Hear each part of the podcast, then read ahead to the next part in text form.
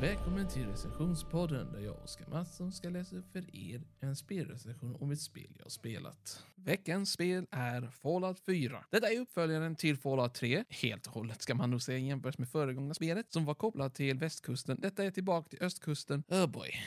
Och eh, jag tänker nu ge en tragisk utpekning att det är nog lite bättre på vissa funktioner, men också vissa funktioner är i detta spelet sämre. Så jag kommer nog ranta lite om vissa saker. Men i alla fall, spelet som är satt i förra spelet var ju i 2287. Eller nej, vänta lite, detta spelet är satt i det, oh boy, som är tio år efter Fallout 3 story slutade. Det vill säga det har gått tio år sedan, sen vad som hände i Fallout 3 och nu så fortsätter vi med en ny plats, en ny person, en ny story och en pratande main character. Jag vet inte, de kan ha gjort ett misstag. Första ranten.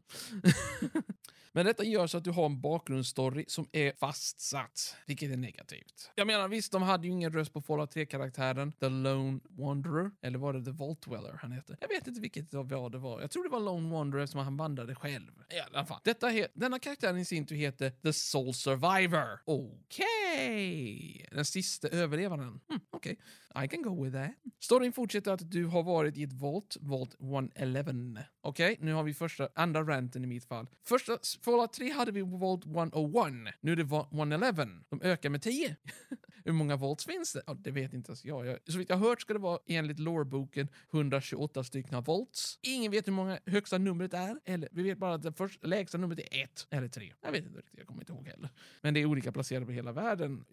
Hela världen, Jag menar hela USA. Detta spel skaparna är återigen Bethesda Game Studios, det vill säga Bethesda. Bethesda! Dammit, du kommer hjälpa olika faktioner att växa sig starka inom området inom the Commonwealth of Boston. The Boston Commonwealth, som det heter också på ett annat ord. I Boston så har du senare en massa olika platser och mycket faktioner att träffa på. Du kommer kunna skapa en faktion från grunden. Du kommer kunna joina en spiongrupp. Du kommer kunna joina en stark militärisk organisation. Du kan till och med förråda allihopa och gå med i en forskningsgrupp som säger vi är framtiden, men vi är genom vår forskning så ska vi tillverka bättre människor. Jag upprepar, tillverka bättre människor. Och inte levande människor som liksom till exempel små bebisar och liknande. Nej, de tillverkar människor som är vuxna från början. Ugh. Inte kloning heller. Det är ännu värre, det är cyber synts, syntetiska människor. Oh boy. De andra faktionerna som finns, och just det, jag glömde bort att nämna, den sista faktionen som är de här som tillverkar synts är erkända som The Institute of Technology, CIT. Commonwealth Institute of Technology fanns och finns i verkligheten än idag och är ökända för att försöka utveckla teknologi som kan användas av alla människor. Det är, det är riktig information nu egentligen, lore, historia, verkligen historia. Men detta världen så har blivit lite annorlunda. De jobbade med vapen i denna världen. Okej, okay, stor skillnad. De är placerade i samma ställe, men de är kända nu som the boogeyman. De dyker upp, försvinner, dyker upp, försvinner. De är lite mystiska varelser egentligen, de här institut som de kallas nu. De har tagit bort C, och T och bara satt in institut. Ja. De andra tre fraktionerna är, jag kommer börja med den första du kommer träffa på och eh, nästa som kan träffa på och den tredje som jag nämnde också kommer vi förklara sen i den ordningen. Vi börjar med den första du kan träffa på, ledd av den först, sista av den faktionen. The Minutemen, Minutmännen. Okej, okay. redan har vi ett problem. Gammalt namn i framtiden. Oh boy. The Minutemen leds av Preston Garvey, första felet i deras fall. Preston Garvey är ökänd för att dela ut, ni kanske har talat om detta memen, another settlement needs your attention. En annan settlement behöver din hjälp. Memen som har skapats, ni kanske inte har talat om den, men jag har hört talas om den för jag har spelat spelet så länge så jag vet vad de menar. Så fort du lämnat in det första questet, det är en bugg så vitt jag har hört, men Bethesda säger den kommer de inte fixa, tekniska orsaker. Det finns ingen limit på hur många sådana här quester du kan ha. Du kan få alla settlements att ge dig ett uppdrag för varje settlement som finns, varje ny settlement eller liknande och ny placering. Du kommer kunna ha en hel questlogg full med, men jag menar att du kommer ha så många quest att du kommer tycka, okej, okay, jag gör denna, oj, jag misslyckas med den där, oj, jag lyckas med den där också, men hur gjorde jag det? Det är inte samma ställe. Oh boy. Nästa faktion var Brotherhood of Steel. De är tillbaka igen från Fallout 3 och det är samma faktion, bara att de har, det har gått några år ju såklart. De leds utav nu en man vid namn Maxon. Elder Maxon. Hans riktiga namn är Arthur. Okej, okay? Arthur Maxon. Jag har inget emot att hans namn heter det, men han låter ju som Arthur på svenska. Så. Men Ar Arthur Maxon är, vad säger man? besatt av att lyckas med allting han gör. Även om han vet att han kan ibland misslyckas, så säger han nej, jag gjorde inte fel, det var ni. Han är en sån personlighet, alltså jag kan inte klara av att ha honom. Faktionen är också inbyggd på att vi är framtiden, bla bla bla, bla som i sin tur bygger på att ja, alla ska hjälpa oss, vi hjälper inte er. Orättvist system tycker jag. Du träffar dem genom att hjälpa deras eh, scoutteam, första uppdraget. Senare i storyn så kommer du få hela faktionen flyttas dit. Eller strike, militärgruppen snarare menar jag. För högsta militärarmén, första vågen, kommer då. Ledd av Arthur Maxim själv. Vad i hela friden säger jag? Om du har liksom en bas placerad i DC Wasteland och flyttar allt militäriskt till Boston. Nej, något stämmer inte. Varför inte bara en liten halvdivision? I alla fall, ni förstår vad jag menar. Den sista faktionen du kommer träffa heter, som jag nog inte, som jag nämnde var den tredje faktionen, är The Railroad. The Railroad, ledd av Desdemona, är ökänd för att vara en spionorganisation, Tänk dig James Bond, fast i USA, vilket är ungefär som, jag ska inte säga att det påminner mig om många andra filmkaraktärer och liknande, men i alla fall. Det närmaste jag kan ge er detta är ju att eh,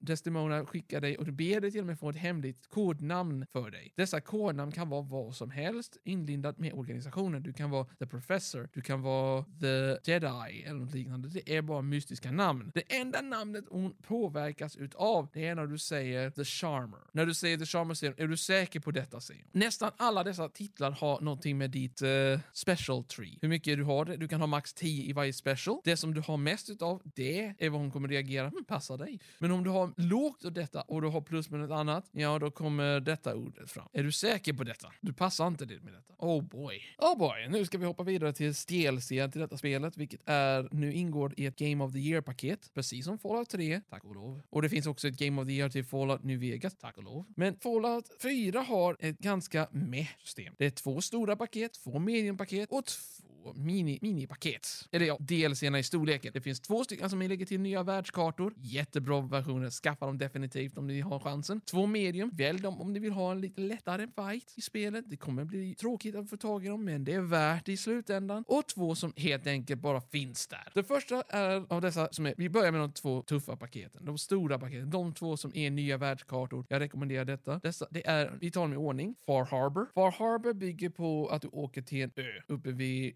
uppe vid kusten. Denna ön som kallas egentligen i verkligheten för Bar Harbor. Jag upprepar igen. Bar Harbor. Ni kanske hör vad jag menar med bar. Och varför heter den Far Harbor? Därför att B är lite suddigt. Så de såg ett F istället. Så de tänkte, hej, Far Harbor. Dum tanke, men hej, whatever. Nästa DLC jag kan rekommendera är Nuka World. Och om ni har varit på Disneyland förstår ni nog tanken på detta, men detta bygger på Nuka Cola. Ett land byggt på, ja, Nuka Land, eller Nuka World, bygger ungefär som Disneyland, blandning med Coca-Cola. Ja, ja den första platsen du kan åka till heter Kiddy Kingdom. Och Kiddy Kingdom, vad gjorde de där? Ja, när du kommer dit så kommer det vara spraya med en massa öj, radioaktivitet. Men egentligen ska det inte vara radioaktivitet, utan det ska vara kola som du blir sprayad på av. Yeah! Sjukt! Men i alla fall, jag tycker inte avslöja för mer än det där. Jag tycker inte... Du kommer få komma dit, men skillnaden är att Far Harbor, där hjälper du en massa, eller Far Harbor, hjälper du en massa ja, öfolk. Nästa hjälper du en massa banditer att bygga upp hela den här staden. Banditer, raiders, oh boy, du är ond, men du kan också välja att vara god och döda alla raiders. Det är självmord,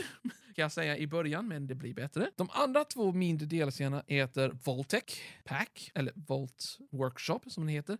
Denna storyn bygger på att du ska bygga upp ett Volt under marken. Ditt egna Volt. Volt 88. Som inte var färdigt. Oh boy. Nästa DLC som jag rekommenderar faktiskt egentligen lite, det är Automatron. Automatron är mer eller mindre robot-DLCn som det är känt som. Jättebra DLC, rekommenderas i mitt fall. Men det finns problem med den också. Storyn är precis som Voltec, slö, uttråkande och göra om och om igen. Men den är värd det, för du får en robotstjänare som hjälper dig. Du kan göra din egna. Du kan använda dem som transporter mellan settlements, precis som du kan med människor. Men människorna gör ju jobb, robotarna gör inte det. Så skickar de mellan byarna istället så har du mindre chans att de säger ah, vi gör revolt. Du har robotar som arbetar istället. De nästa två DLC heter Workshop Pack 1 och Workshop Pack 2. Jag skämtar, de heter detta verkligen. 1 och 2.